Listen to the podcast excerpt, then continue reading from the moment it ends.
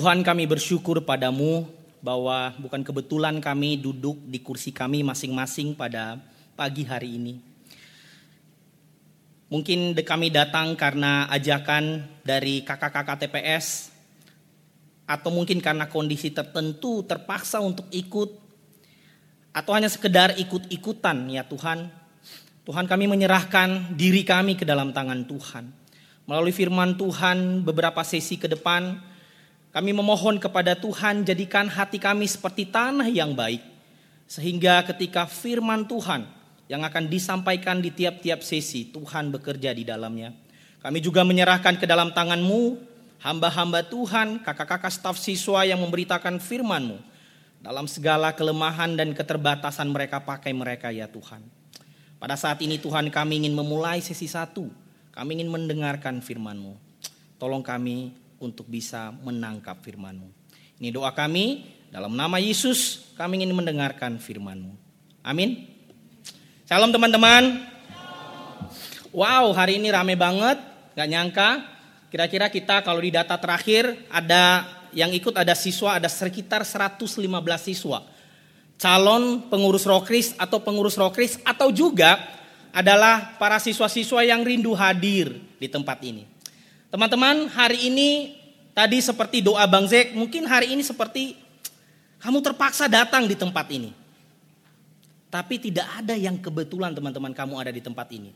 Nanti Bang Zeki akan ceritakan di mana uh, ada juga orang-orang yang hanya kebetulan seperti datang di KKSJ tahun 2010. Eh apa yang terjadi teman-teman?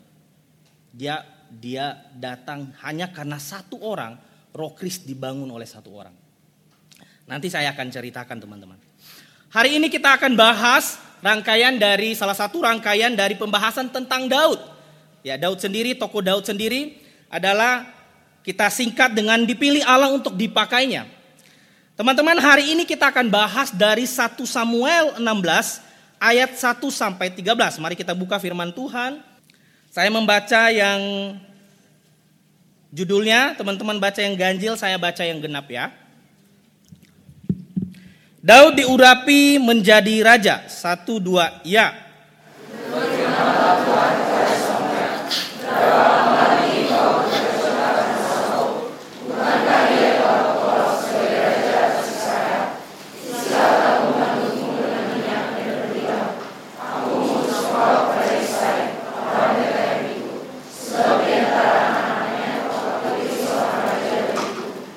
Tetapi Samuel berkata, bagaimana mungkin aku pergi? Jika Saul mendengarnya, ia akan membunuh aku. Firman Tuhan, bawalah seekor lembu muda dan katakan, aku datang untuk mempersembahkan korban kepada Tuhan.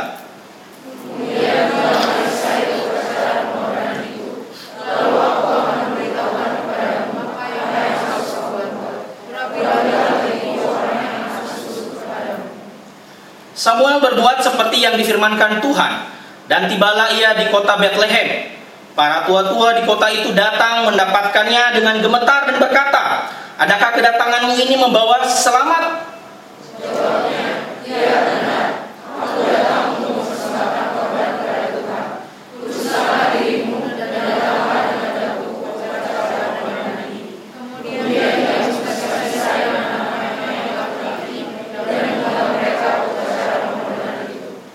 Ketika mereka itu masuk dan melihat dan Samuel melihat Eliab, lalu pikirnya sungguh di hadapan Tuhan sekarang berdiri yang diurapinya.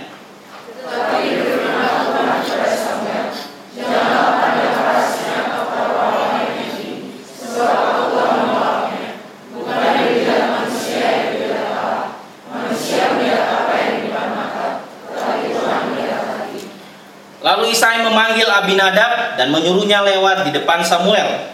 Tetapi Samuel berkata, orang ini pun tidak dipilih Allah. Kemudian Isai menyuruh tetapi Samuel berkata, orang ini pun tidak dipilih Tuhan. Demikian Isai menyuruh ketujuh anaknya lewat di depan Samuel. Tetapi Samuel berkata kepada Isai, semuanya ini tidak dipilih Tuhan. Lalu Samuel berkata kepada Isai, ini karena Jawabnya, masih tinggal yang busuk, tetapi sedang membalang akan dijual. Kata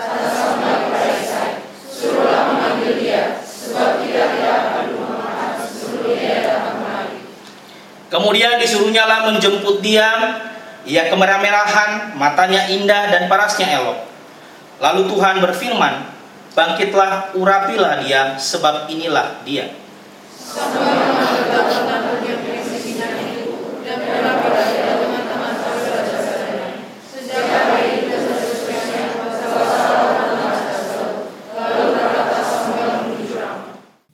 Ya, tentang KKSJ teman-teman, Camp Kepemimpinan Siswa Jakarta sebenarnya tidak tiap tahun kita adakan. KKSD ini kalau kamu ikut KKSJ kali ini, itu adalah menurutku itu kesempatan kamu hadir di tempat ini. Dan tidak jadi kesempatan ketika kamu sia-sia juga kamu nggak mendapatkan apa-apa pulang dari KKSJ ini. Waktu aku pertama kali ikut KKSJ, saya nggak dari pelayanan siswa teman-teman. Saya ikut 2010. Habis itu diadakan 2012 ya kalau nggak salah. Diadakan tiga hari, empat hari, tiga malam. Sampai saat sekian dari sekitar dari 2012 apa 2015 terakhir, habis itu diadakan 2015 baru dilaksanakan. Setelah itu agak lama nggak kita ngadakan camp. Kenapa kita ngadain KKR siswa? Karena dari mana dana kita ya? Semua menghabiskan butuh dana untuk itu. Dan ketika kamu hadir di tempat ini, itu sesuatu kesempatan teman-teman. Itu bukan kebetulan kamu ada di tempat ini. Nggak tahu kapan lagi KKSJ nanti diadakan. Tahun depan mungkin kita sepakati bukan KKSJ. Gitu. Ya, jadi Bang Zeki mau bilang ketika kamu hadir di tempat ini, ini adalah kesempatan. Dan kamu berdoa agar setiap pembicara yang berbicara di panggung ini, Tuhan pakai untuk berbicara kepada kamu. Dan juga tidak hanya melalui kami teman-teman. Tapi kamu berdoa buat hatimu. Agar Tuhan berbicara melalui keikutsertaanmu di tempat ini. Amin. Mari kita bahas tentang Daud. Sekilas tentang Daud teman-teman. Saya coba uh, gambarkan tentang seperti apa Daud. Tentang biografi Daud atau uh, all about Daud gitu. Walaupun tidak semua uh, dicatat tentang di bagian yang akan saya paparkan. Dan kalau kamu melihat juga ada di buku acara tuh tentang Daud seperti siapa Daud gitu di bagian-bagian awalnya. Mari kita lihat siapakah Daud. Yang pertama, Daud ini lahir di kota Bethlehem, Yerusalem.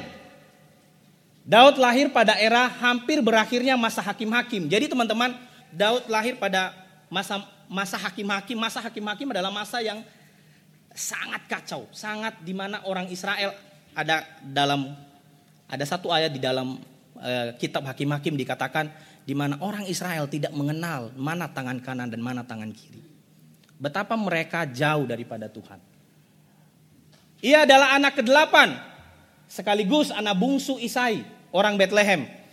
Kalau mau buat klub futsal mereka bisa satu grup teman-teman. Itu. Cowok semua gitu. Tapi anak bawangnya siapa? Daud gitu.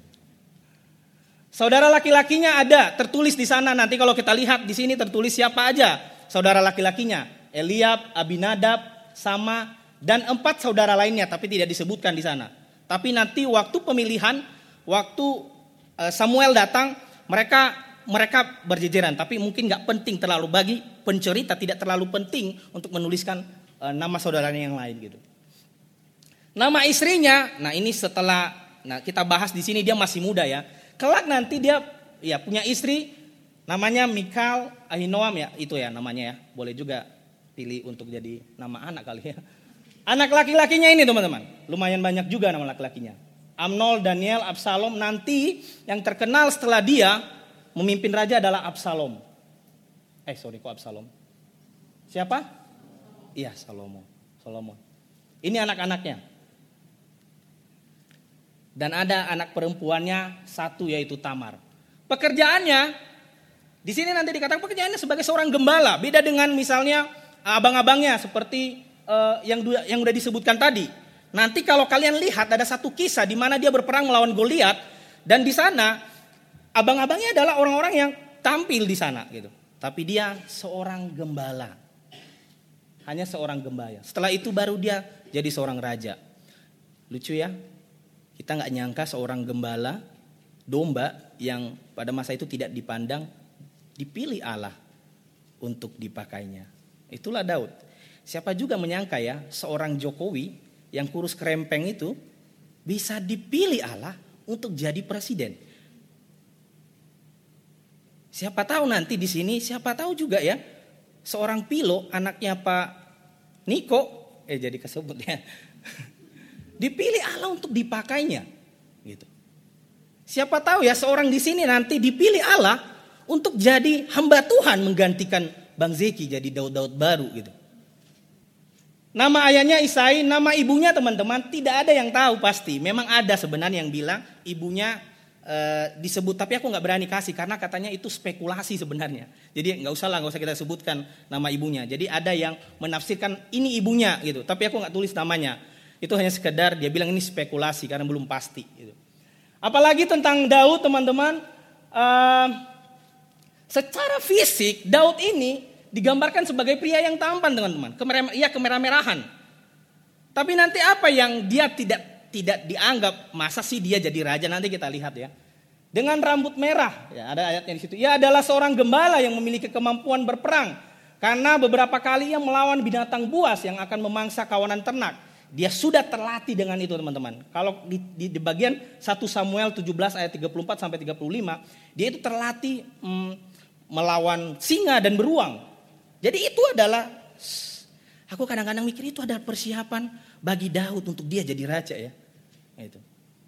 Selain itu dia juga memiliki keterampilan memainkan suling dan kecapi. Ada yang mengatakan Daud ini adalah seorang yang Tuhan pilih begitu punya banyak talenta. Lihat dia yang menuliskan uh, sebagian Mazmur. Dia seorang uh, musik punya musikalitas yang tinggi.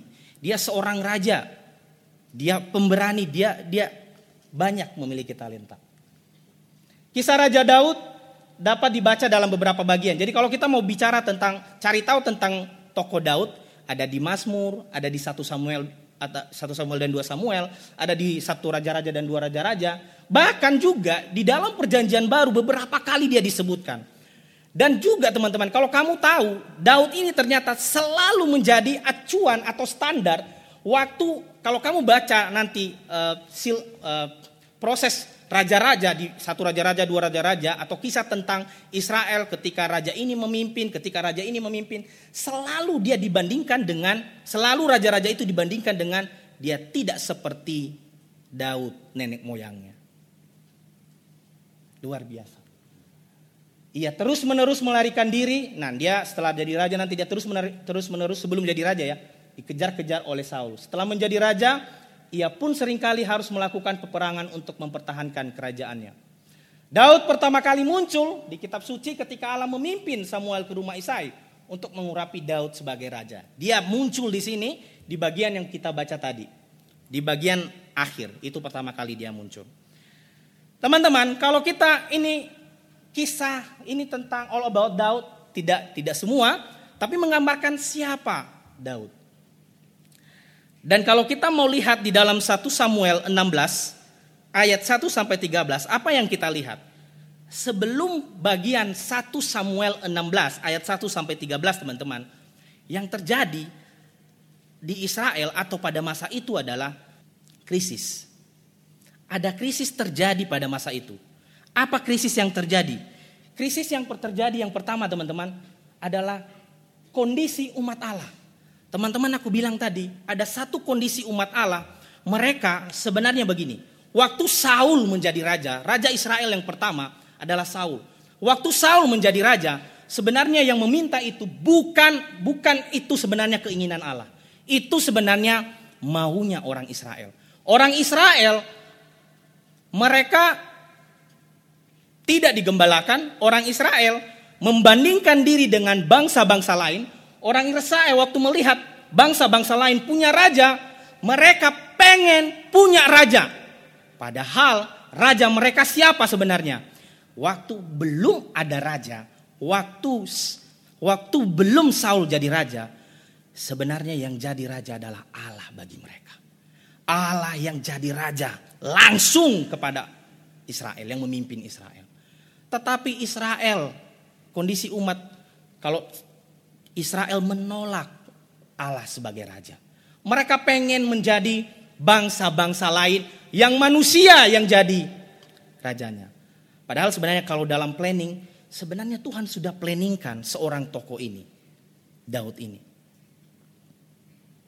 Dan apa kondisi umatnya lagi teman-teman?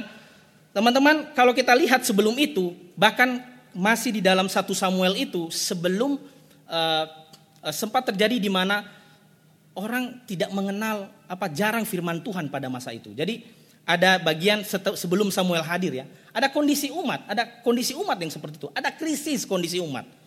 Ada umat yang tidak mau Allah jadi raja. Dan yang kedua, apa krisisnya? Ini krisisnya. Krisis kepemimpinan. Siapa yang jadi raja sebelum Daud? Saul. Apa krisisnya, teman-teman? Israel sedang dalam krisis kepemimpinan. Sebenarnya kepemimpinan sedang kosong. Saul hanya sekedar ya udah dia jadi raja. Kenapa? Allah sudah menolak raja Saul. Kenapa Allah menolak raja Saul? Karena raja Saul ini berkali-kali dia tidak taat kepada Allah. Bahkan teman-teman selama raja Saul jadi raja, semakin bahkan semakin lama semakin tidak kelihatan ketidaktaatannya. Ada yang mengatakan Bill Crowder mengatakan begini, semakin lama Raja Saul semakin menjauh dari Allah. Semakin Raja Saul lama motivasinya bukan lagi pada Allah, tapi dirinya sendiri. Semakin Raja Saul menjadi raja, semakin melakukan sesuatu berdasarkan keinginannya sendiri.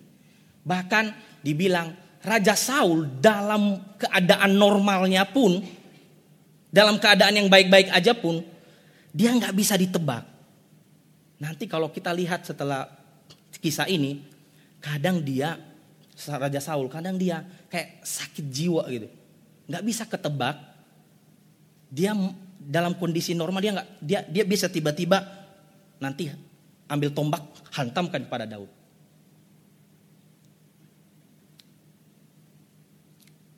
Itu latar belakangnya. Ada krisis kondisi umat Allah. Sebelum Tuhan memanggil siapa yang dipilihnya, ada dua kondisi yang terjadi di Israel pada masa itu. Ada krisis. Krisis itu berarti ada bahaya ancaman yang terjadi di dalam umat Allah. Yang kedua ada krisis kepemimpinan. Ada raja tetapi tidak diterima oleh Allah. Ada raja tetapi sudah ditolak Allah. Teman-teman waktu persiapan ini kadang-kadang aku uh, jujur, ya Tuhan, ternyata ada dalam aku melayani, aku sering menjadi Saul. Aku sering melayani karena keinginan-keinginanku, bukan karena Allah. Krisis kepemimpinan. Percuma jadi pemimpin kalau kayak seperti Saul. Percuma jadi pengurus rokris kalau dia seperti Saul.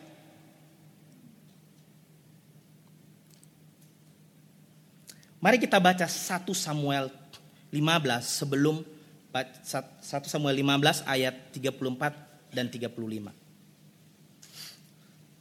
Kita aku baca buat kita ya. Kamu lihat 1 Samuel 15 ayat ayat 34 dan 35. Kemudian Samuel pergi ke Rama, tetapi Saul pergi ke rumahnya di Gibea Saul. Jadi Samuel balik ke tempat tinggalnya ke Rama. Terus Saul pergi ke rumahnya di Gibea Saul. Apa yang terjadi ayat 35? Sampai hari matinya Samuel tidak melihat Saul lagi. Tetapi Samuel berduka cita karena Saul. Dan Tuhan menyesal karena ia menjadikan Saul raja atas Israel. Sebenarnya waktu Israel menuntut ada raja di di di mereka, dan dia memilih Saul, menurutku ya ini ya, bagi Zeki. Gak salah waktu dia menjadi raja. Tetapi waktu, karena Tuhan yang memilih dia. Tetapi waktu dia menjalani sebagai raja. Dia terus menerus kedapatan tidak taat. Dia terus menerus tidak lagi mau dipimpin oleh Allah yang harus yang memimpin orang-orang Israel.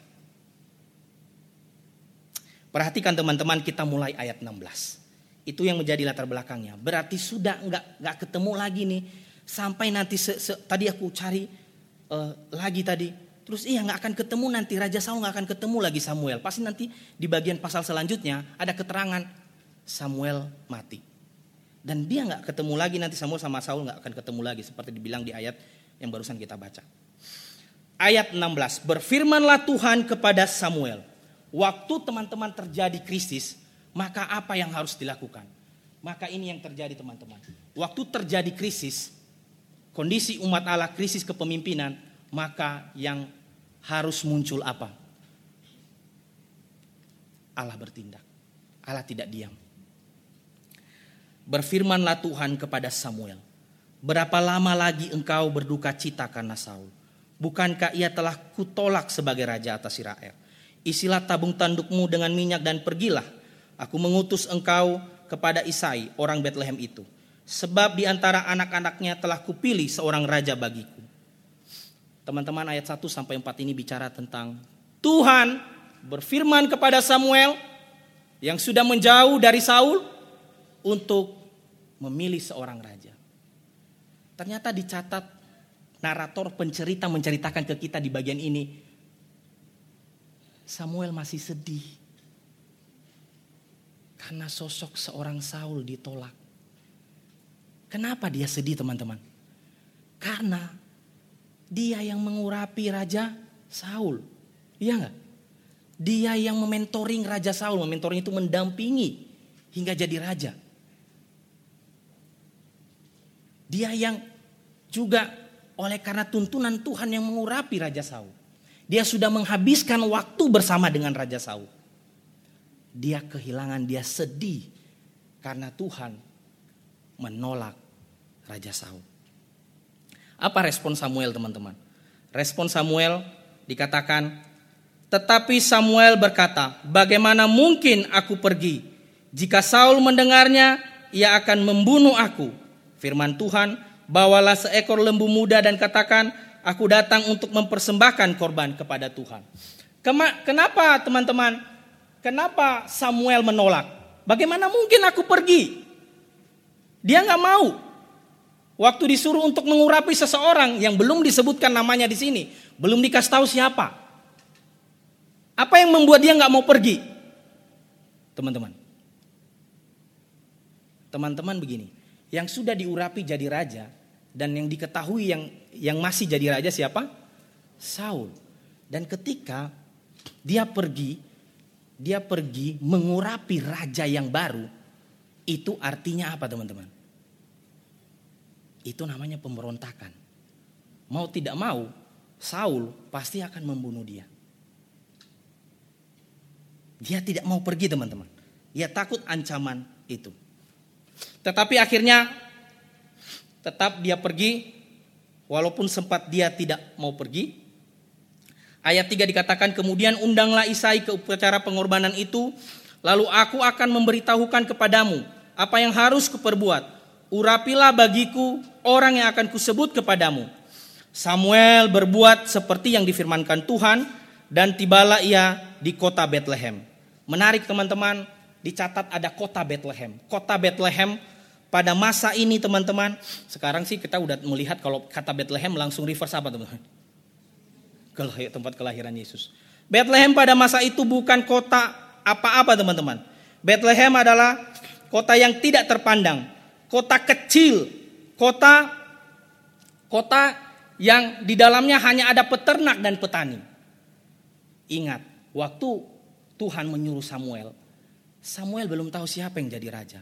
Tetapi dia hanya diutus untuk pergi ke Bethlehem. Sebuah kota yang tidak diharapkan. Masa ada seorang raja Israel di kota kecil yang tidak diharapkan itu?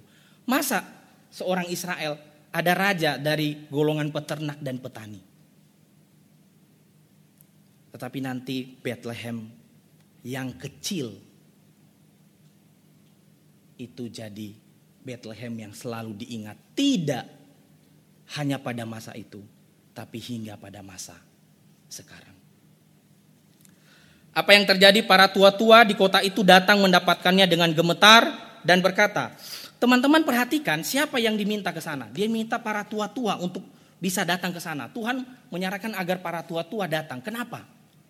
Karena teman-teman, ada hukum Musa yang mengatakan kalau ada dibuat satu kesepakatan, jadi misalnya ada kesepakatan nabi bertindak, maka itu mesti ada para saksi. Para saksinya mesti dua atau tiga kelompok para saksi. Jadi para tua-tua ini menjadi uh, nanti jadi bagian untuk menyaksikan apa yang akan terjadi yang dilakukan oleh Samuel. Tetapi anehnya adalah pasal ini mengatakan para tua-tua bertanya, para tua-tua di kota itu datang mendapatkan mendapatkannya dengan gemetar dan berkata, kenapa mereka bergetar? Adakah kedatanganmu ini membawa selamat? Karena kalau kita baca tadi 1 Samuel 15 ayat 34 dan 35 ada terjadi jadi masyarakat tahu bahwa ada terjadi konflik di antara pemimpin-pemimpin ini. Samuel sudah tidak lagi bersama dengan Saul. Jadi mereka takut akan hal ini. Tetapi apa yang dikatakan oleh Samuel, ya dia hadir bahwa ada berita baik. Teman-teman, mari kita lihat apa yang terjadi. Maka masuklah Samuel ke rumah Isai.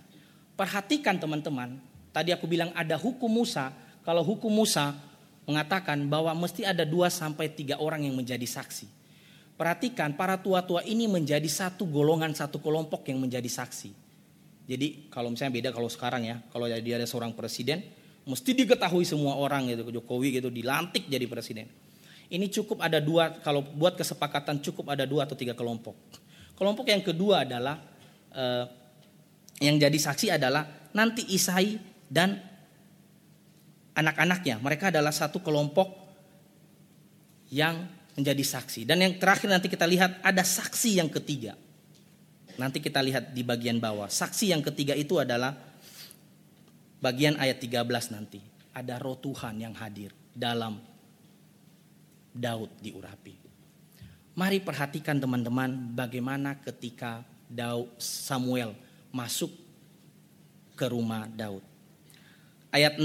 Ketika mereka itu masuk dan Samuel melihat Eliab, lalu pikirnya sungguh di hadapan Tuhan sekarang berdiri yang diurapinya. Teman-teman, anak pertama adalah seorang bernama Eliab, maka semua ada anak-anak, semua anak-anak Isai datang ketika Samuel hmm, menyatakan maksudnya hadir bahwa dari seorang anak Isai akan ada yang akan diurapi jadi raja. Ketika dia melihat Eliab, dia melihat dia mengatakan begini, sungguh di hadapan Tuhan sekarang berdiri yang diurapinya. Samuel teman-teman masih punya kriteria bahwa yang dipilih Allah itu yang tampak baik dari luar, yang tampak kelihatan bagus dari luar. Karena juga mungkin dia terpengaruh dengan Saul ketika Saul terpilih. Kalian tahu ciri-ciri Saul? Saul itu teman-teman dikatakan satu kepala lebih tinggi dari bangsa Israel sebelum dia terpilih. Jadi seorang yang besar, tinggi. Dan ketika melihat Eliab, maka bagi Samuel merasa ini pun yang akan jadi raja Israel. Gagah. Siapa yang gagah di sini ya? Kayak Kalevi kali ya. Ini cocok jadi raja gitu. Atau seperti Daniel ya. Atau gede besar gitu. Tapi Samuel tidak tahu hati Tuhan. Samuel tidak tahu isi hati Tuhan. Samuel tidak tidak tahu kriterianya Tuhan. Tetapi berfirmanlah Tuhan kepada Samuel. Kita baca bersama-sama yuk. Satu, dua, iya.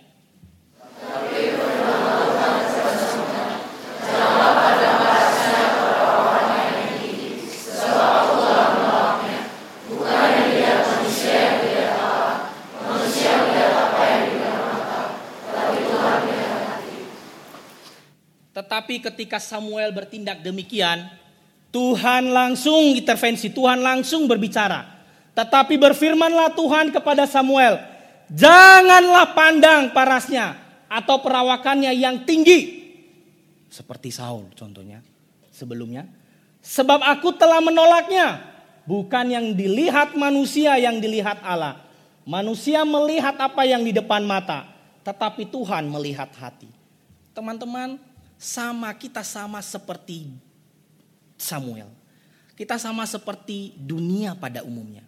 Kita pengen melihat sesuatu menempati posisi tertentu yang makin bagus, makin terbaik karena kelihatannya itu dia memang pantas karena perawakannya. Kriterianya kalau dia punya skill yang mumpuni, kalau dia seorang yang terkenal, populer, kalau dia sering tampil, dia layak jadi pemimpin. Tapi Tuhan penghiburan buat kita tuh kriteria Tuhan bukan itu. Tuhan tidak melihat fisik. Tuhan tidak melihat yang kelihatan, tapi Tuhan melihat yang tidak kelihatan. Tuhan melihat hati. Teman-teman, inilah terkenal dari seorang yang bernama Raja Daud. Namanya belum masih disebutkan. Sampai nanti kalau kita lihat teman-teman, terus berderet datang di depan Samuel. Siapa setelah Eliab teman-teman? Siapa nama yang muncul depan? Abinadab. Dan Tuhan mengatakan, dia pun bukan. Siapa lagi setelah Abinadab? Sama. Lewat, tapi Samuel berkata, orang ini pun tidak dipilih Tuhan. Demikian Isai menyuruh ketujuh anaknya lewat di depan Samuel. Tetapi Samuel berkata kepada Isai, semuanya ini tidak dipilih Tuhan. Padahal secara kriteria, secara dunia mereka adalah mungkin orang-orang yang pernah jadi tentara. Mereka adalah orang-orang yang bagus dilihat. Bukankah kalau kita memilih pengurus rokris teman-teman, ada nggak seperti ini? Dia suka tampil. Kepemimpinannya kelihatan bagus. Kalau dia ngomong itu tertata dengan baik. Kalau kalau misalnya dia ngomong berwibawa, kita pengen seperti itu. Jangankan Samuel, kita begitu teman-teman. Otomatis senang yang begitu.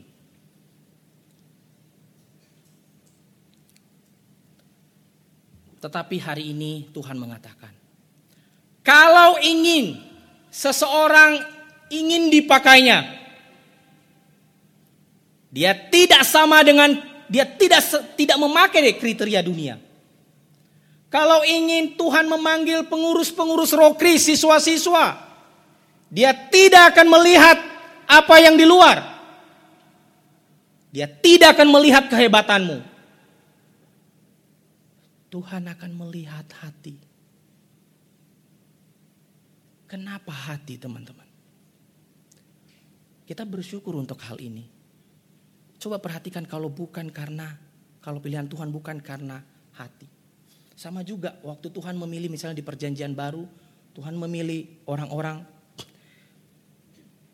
pilihannya, misalnya contohnya dia memilih uh, Barnabas dan kawan-kawan untuk pelayanan meja yang mengurusi uh, ya ada yang bilang itu seksi konsumsi zaman sekarang gitu.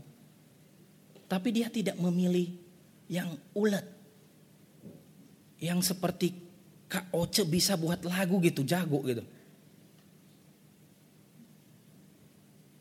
Yang punya kehebatan-kehebatan. Tetapi waktu itu dia memilih melalui apa? Mereka memilih siapa yang pun, yang dipimpin oleh roh. Tuhan melihat hati. Apa maksudnya teman-teman?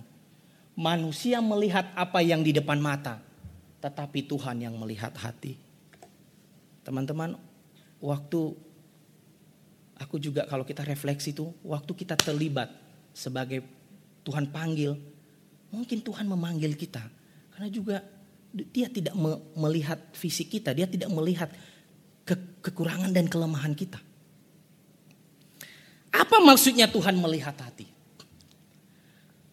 Karena berbicara soal hati teman-teman itu menunjukkan siapa sesungguhnya orang itu. Berbicara tentang hati teman-teman, apa yang dia lihat dari Daud. Teman-teman, waktu dia melihat Daud, maka dia melihat hati Daud. Mari kita lihat apa sebelum saya jelaskan selanjutnya. Kita baca bagian selanjutnya ayat 11. Lalu Samuel berkata kepada Isai, inikah anakmu semuanya? Semua tadi udah berapa yang lewat teman-teman? Berapa orang? Tujuh orang. Masih tinggal kata ayahnya, masih tinggal ada yang bungsu. Teman-teman, kata bungsu, kata bungsu ini ada yang menafsirkan. Ini kalau kata Ibraninya, Bungsu itu bukan bukan bukan ini tapi juga menggambarkan masih ada tinggal satu lagi. Tapi kata bungsu itu mengatakan begini, tapi kecil. Orangnya kecil. Kayak siapa ini? Oh enggak ya, Tuhan tapi jadi penghiburan ya orang kecil dipakai Tuhan gitu. Kata bungsu ini kecil. Ada sih, tapi Nggak seperti siapa yang pertama tadi? Eliab. Nggak seperti Saul yang satu kepala lebih tinggi, yang gagah. Tidak hanya di situ ada, dia lagi sedang ngapain? Kerjaannya ini orang-orang Bethlehem. Gembalakan kambing domba. Mungkin karena bungsu kali ya. Dikerjain abang-abangnya kali ya. lagi kasihannya si kecil ini lagi mengembalakan domba. Dan kata Samuel kepada Isai, suruhlah memanggil dia. Sebab kita tidak akan duduk makan sebelum ia datang kemari. Semakin mantap Samuel, sudah semakin tahu Tuhan mau seperti apa. Ketika satu demi satu tujuh orang lewat di hadapannya, anak Isai, bukan, bukan. Dia sempat tergoda, waktu melihat Eliab. Kemudian disuruhnya lah menjemput dia. Siapa Daud ini ya kemerah-merahan, matanya indah dan parasnya elok. Teman-teman ada yang bilang memang dia tampan, walaupun kecil. Gitu. Tapi ingat ya ini bukan kriteria teman-teman. Itu bukan yang buat dia dipilih jadi raja. Dia tetap kecil gitu, sekalipun tampan gitu. Bangkitlah urapi dia sebab inilah dia. Teman-teman yang datang habis datang coba bayangin datang dari menggembalakan domba dipanggil tiba-tiba gitu. Mungkin dia belum tukar baju kali ya. Si Daud datang gitu kecil-kecil datang gitu. Terus capek gitu. Apa Pak? ada yang penafsir yang mengatakan sekitar dia usianya usia seperti kamu teman-teman usianya sekitar 14 tahun kisaran begitu ya nggak begitu banget ya jalannya ya gitu. masih bocah gitu. eh kamu jadi bocah ya jadi masih SMA SMP ya ya ampun dia masih lebih bocah dari kalian kecil Bukan kecil karena usianya, kecil juga orangnya. Datang pada Samuel. Inilah orangnya. Tampan, tapi nggak mempengaruhi dia tetap kecil. Baru itulah yang diurapi Tuhan. Seorang dari kota Bethlehem, seorang dari kota yang tidak terpandang. Siapa yang menyangka kalau Tuhan yang akan dipilih adalah Daud. Tidak hanya seorang Daud juga. Daud itu seorang seorang yang tidak diharapkan, tidak dianggap. Bayangin aja tadi di rumahnya, dia nggak ada loh. Padahal Samuel hadir untuk mengurapi salah satu seorang raja datang ke rumah. Samuel nggak di, Daud nggak diperhitungkan. Dia baru dipanggil setelah yang ke yang lain ini nggak masuk, nggak nggak dipilih gitu baru dia ternyata Tuhan memilih adalah Belum disebutkan namanya di sini Daud ya. Masih belum disebutkan namanya ya. Masih si bungsu, masih si kecil. Masih yang penuh dengan ya mungkin karena capek kali dia ya. Ada yang mengatakan dia kemerah-merahan karena dia penggembala domba. Jadi matahari terus menyinari kepalanya gitu. Kasihan ya. Kayak anak SMP, anak SMA sekarang. Dia masih kecil, seorang yang tidak diperhitungkan teman-teman. Tapi menarik sekali apa yang kita saksikan.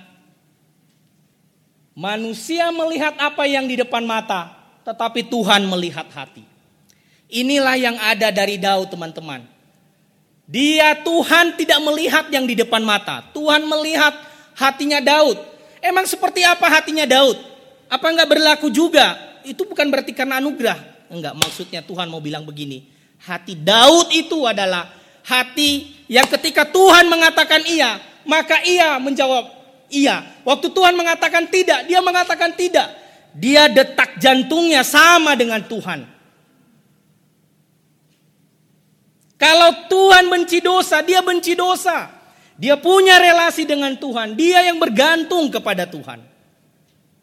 Itulah Daud seorang yang menggantungkan diri bukan pada kekuatannya, tetapi pada Tuhan. Bukan yang punya kekuatan, tapi seorang yang punya kebergantungan pada Tuhan. Kisah hidupnya, teman-teman, apakah dia sempurna?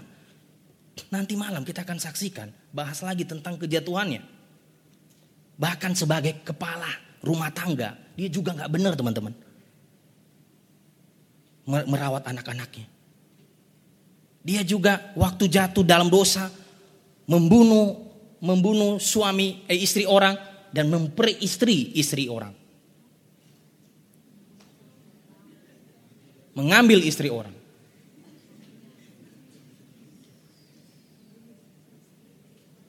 Tapi apa? Apa sih yang menarik dari Daud? Teman-teman waktu dia jatuh dalam dosa. Dia tetap datang kepada Tuhan.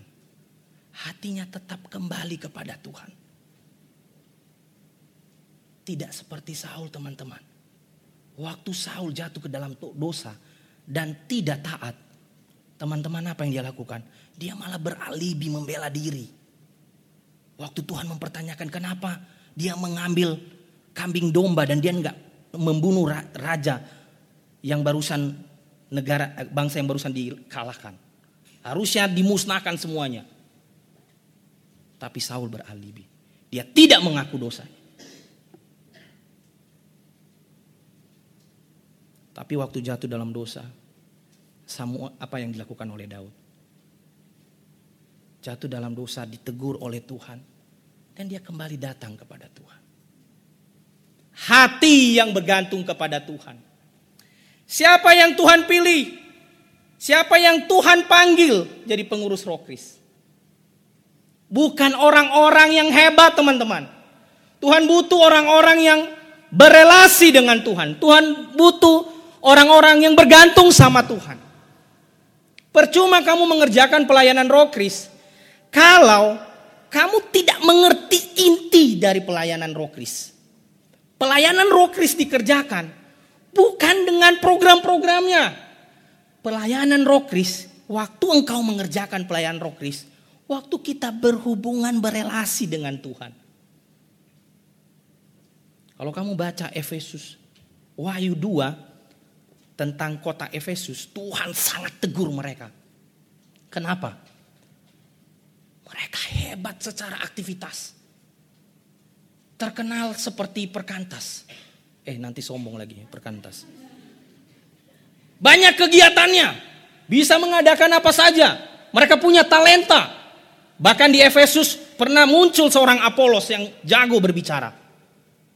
Tapi dia bilang, aku mencela engkau. Karena kasihmu yang semula. Engkau melupakan kasihmu yang semula. Teman-teman, kalau mau jadi pengurus rokris. Tuhan nggak menginginkan banyak kok. Tuhan mau kita jadi pengurus roh kiris yang dengar-dengaran pada firmannya. Yang hatinya berpaut kepadanya. Waktu dia jadi ketua, dia mendoakan. Dia mendoakan. Tuhan, waktu dia jadi ketua Natal dia berdoa gimana? Natal ini dibawa. Selanjutnya, inilah sekolah kita. Bagaimana kalau kita lihat, kalau tadi Raja Daud dipanggil dalam krisis krisis umat Allah. Sekarang apa krisis yang terjadi kalau kita melihat sekolah kita? Ya nggak tahu ini nggak nggak sekolahmu kayaknya sih. Aku ambil-ambil aja. Bayangin sekolahmu. Apa apa yang ada di pikiranmu? Apa krisis yang terjadi di sana? Ini refleksi buat kita teman-teman. Apa krisis kondisi siswa di sekolah dan sekitarmu? Apa kondisi remaja-remaja saat ini? Waktu cari gambar-gambar itu sebenarnya, waktu aku ketik kata Google siswa, terus aku scroll ke bawah di Google, ya ampun yang muncul apa? Siswa-siswa gini. Terus tiba-tiba muncul pertanyaan begini, Tuhan mungkin gak sih satu orang pengurus-pengurus rokris yang di rokris itu bisa nggak sih menjangkau remaja dengan luasnya begini? Kayak aku putus harapan tiba-tiba. Aku memberitakan firman Tuhan ini kepada mereka nih Tuhan. Bisa nggak sih mereka membawa perubahan? Makin scroll ke bawah makin aneh gambarnya. Bagaimana SMA 90 bisa jadi berkat bagi sekolah-sekolah lain, bagi siswa-siswa lain? Bisa nggak sih Tuhan? Bagaimana SMA 39 bisa nggak sih di JT2 jadi berkat? Yang bisa kita layani hanya satu sekolah. Itu pertanyaanku pada Tuhan waktu persiapan. Apa krisis kepemimpinan pengurus rokris di sekolah? Apa sekarang kondisi kepengurusan rokris di sekolah? Ya Tuhan sekarang roh Kristus kalau aku lihat kadang-kadang udah pembicaranya, udah waktu pembi, waktu memberitakan firmannya hanya 15 menit, 20 menit. Terus waktu dikontak pembicaranya Hamin 3, Hamin 7. Itu roh Kris gak sih? Serius gak sih roh Kris kita? Nanti kita akan bahas di kapsel ya. Apa goal roh Kris? Aku nggak lagi menyinggung rockers tertentu ya. Kalau tersinggung maaf ya. Tapi kita serius nggak sih? Udah sekian lama rockrisnya bagus. Atau juga banyak rockris sekarang. Astaga kalau mereka menggelar segala sesuatu. Retret, Natal, Pasca. Bagusnya minta ampun. Tapi mereka kalian ngerti nggak sih kenapa diadakan itu semua? Jangan-jangan hanya sekedar tradisi. Biar ada kegiatan di sekolah. Kan rohis kan ada kegiatannya, kita harus ada dong. Rohis nggak hadir untuk itu teman-teman. Apa krisis kepemimpinan pengurus di di sekolah? Tapi ini udah sangat lama di salah satu sekolah teman-teman. Semoga nggak kesebut nama sekolahnya ya. Teman-teman, aku pernah dengar cerita begini. Mereka pengurus rokris. Ada dua pengurus rokris. Di salah satu sekolah. Satu cowok, satu cewek. Tapi apa yang terjadi teman-teman? Sorry nih ya. Mereka rutin melakukan hubungan suami istri.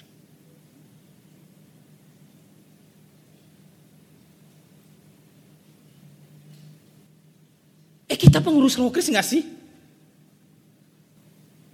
Apa krisis kepemimpinan di rokris? Apakah pengurus-pengurusnya, pengurus-pengurus yang menjaga relasi dengan Tuhan? Yang mementingkan bagaimana berelasi dengan Tuhan bukan program. Tuhan sangat, kalau Tuhan mau melihat hati, Tuhan mau lihat relasi kita dengan Tuhan. Kebergantungan kita kepada Tuhan seperti Daud. Teman-teman perhatikan, waktu ada krisis kondisi umat Allah. Waktu ada krisis kepemimpinan. Ada yang terjadi apa teman-teman? Ada firman Tuhan, Allah bertindak. Tuhan berfirman. Yang kedua, ada dua hal ini, ingat ini. Ada kondisi, apa kondisinya tadi aku udah cerita. Dua hal tadi kondisinya kan. Kondisi umat Allah yang dalam krisis, kondisi kepemimpinan waktu itu. Tahu nggak teman-teman? Kalau ini digabungkan, dapat firman dari Tuhan. Kita melihat kondisi yang dinyatakan Tuhan. Maka yang muncul apa? Visi. Tuhan akan memakai Daud nanti. Tuhan memanggil dia. Karena Tuhan melihat. Tuhan berfirman melalui Samuel dan mengurapi dia. Ada kondisi yang terjadi di tengah-tengah dia dipilih. Apa kondisi Rokris di sekolahmu? Apa kondisi remaja saat ini yang buat kamu sedih? Apakah kamu sedih kalau ngelihat pengurusnya aja nyontek? Gimana ngelarang jemaatnya nyontek? Ini kondisinya. Apa firman Tuhan? Karena ada kondisi begitu apa? Ada firman Tuhan yang enggak mungkin di KKSJ ini bicara kuat dengan kamu. Maka itulah visi. Misalnya pulang dari KKSJ ini aku ingin Ya nggak usah nggak usah banyak banyak lah. Aku pengen mulai dari diriku sendiri dulu nih menjaga relasi dengan Tuhan. Aku apa yang bisa aku perbuat mungkin aku apa yang bisa kulakukan kulakukanlah di Rokris. Atau aku mau menyerahkan diri jadi pengurus di Rokris. Pertanyaan terakhir teman-teman refleksinya adalah maukah menjadi siswa atau pengurus? Atau ada yang kelas 12 di sini.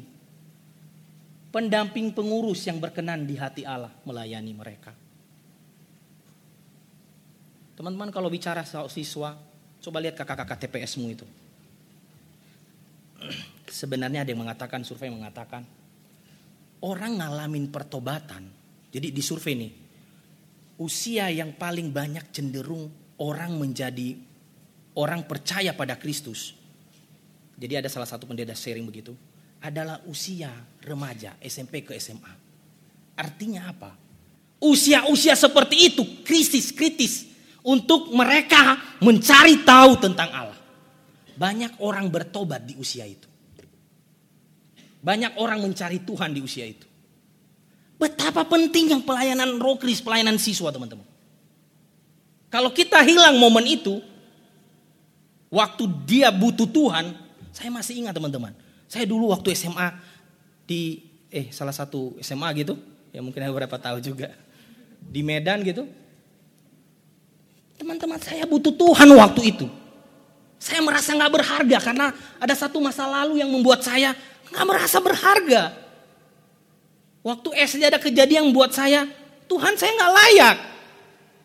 Apa aku ini berharga nggak? Itu waktu saya SMA. Tiba-tiba kepikiran, padahal saya sudah lama melupakannya. Tiba-tiba ingat tuh kejadian. Buat saya nggak, lo nggak berharga. Lo siapa sih? Ih kamu udah jelek banget. Karena kejadian itu. Gak ada. Ada rokris, malah aku setelah itu nanti jadi ketua malah. Tapi bukan rokris-rokrisan teman-teman di sana. Nggak ada firman Tuhan dipersiapkan dengan baik. Retret, retret. Pasca, pasca. Natal, Natal. Padahal itu momen untung di kampus saya. Saya mendengar firman Tuhan. Kalau enggak, saya bisa ketemu di Tuhan di mana? usia-usia mencari Tuhan di sana. Maukah teman-teman?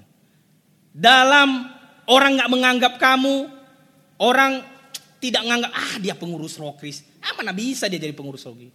Ingat, tadi Daud yang kecil itu, si gembala domba itu. Tuhan panggil. Maukah engkau menjadi? Hai anak-anak kelas 12, kalau kamu udah lewat mau menjadi pengurus rokris, maukah engkau terlibat untuk tetap dampingin adik-adik? mendampingi Rokris. Di ibadah Rokris teman-teman itu kesempatan firman Tuhan itu hanya 15-20 menit. Mereka dengar firman Tuhan dan mengalami perjumpaan di tengah kesibukan itu. Dan kalau nggak dipersiapkan, ini, ini nanti yang dibahas, nanti kita masuk ke kapsel. Kalau nggak dipersiapkan ibadah itu, sama aja omong kosong dong. Benar nggak? Itu pentingnya peran pengurus rokris. Maukah engkau, hai siswa, mau membangun rokris di sekolahmu. Hai pengurus-pengurus rokris, maukah engkau memberi diri untuk dipimpin oleh Allah? Hai kelas 12, maukah engkau dipanggil untuk mengubah rokrismu? Apa kondisi krisis di rokrismu? Dan mari kita lihat teladan Daud. Kisah para rasul mengatakan begini. Daud melayani di generasinya dengan kehendak Allah. Luar biasa. Orang yang Tuhan pilih karena hatinya. Terus ini di kisah para rasul 13 ayat 6 ada kalimat ini. Sebab Daud melakukan kehendak Allah pada zamannya. Kurang jelas kalau LAI lembaga Alkitab ini. Kalau di bahasa Inggris dikatakan dia melayani had served God's purpose in his own generation. Di gener, dia melayani di generasinya. Daud sudah melakukan itu teman-teman. Sekarang siapa yang akan melayani di generasimu?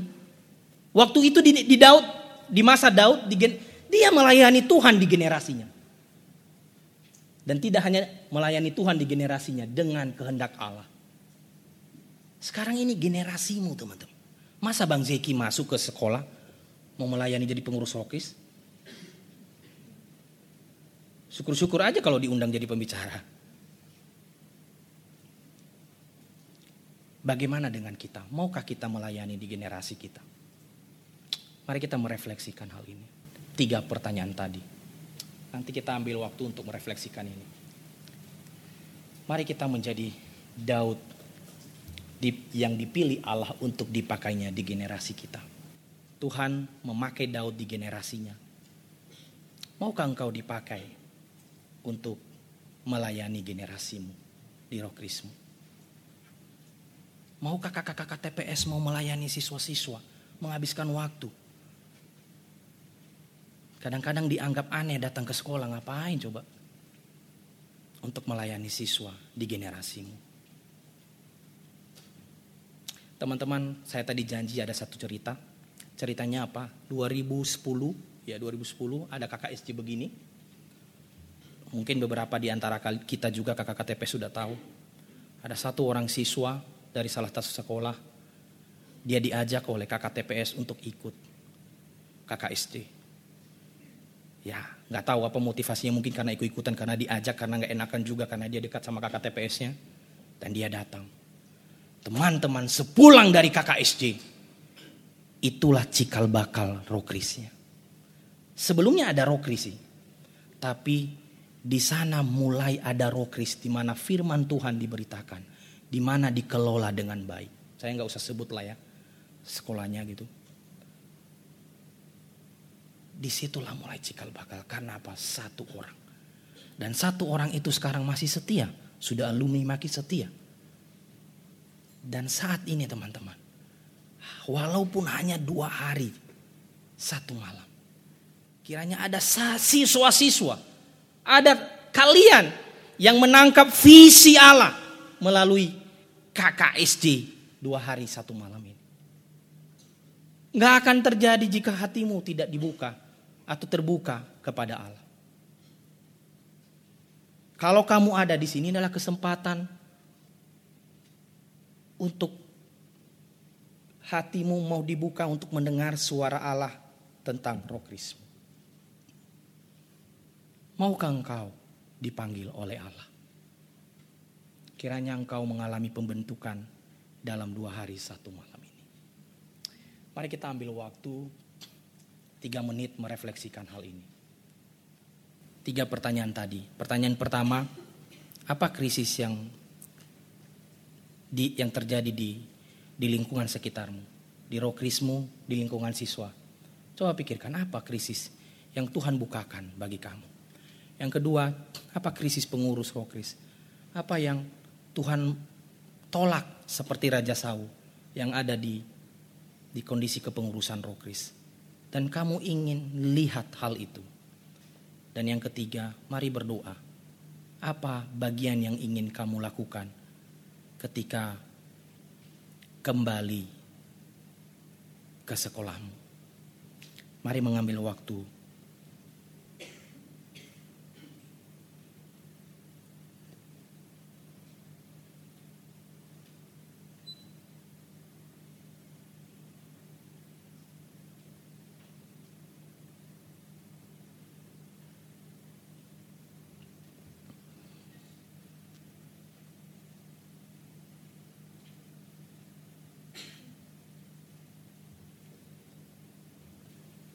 meminta kesediaan KOC untuk merespon kebenaran firman Tuhan. Tuhan kami sungguh bersyukur ketika Tuhan boleh pilih kami untuk menjadi pengurus-pengurus di dalam sekolah kami masing-masing sebagai pengurus Rokris. Kami bersyukur itu semua hanyalah karena kasih setia Tuhan. Kami bersyukur juga untuk kebenaran firman yang boleh disampaikan oleh Bang Zeki. Bagaimana kami eh, diingatkan kembali ya Tuhan bahwa sebelum kami menyadari siapa diri kami pun Tuhan sudah memilih kami untuk melayani di tengah generasi ini.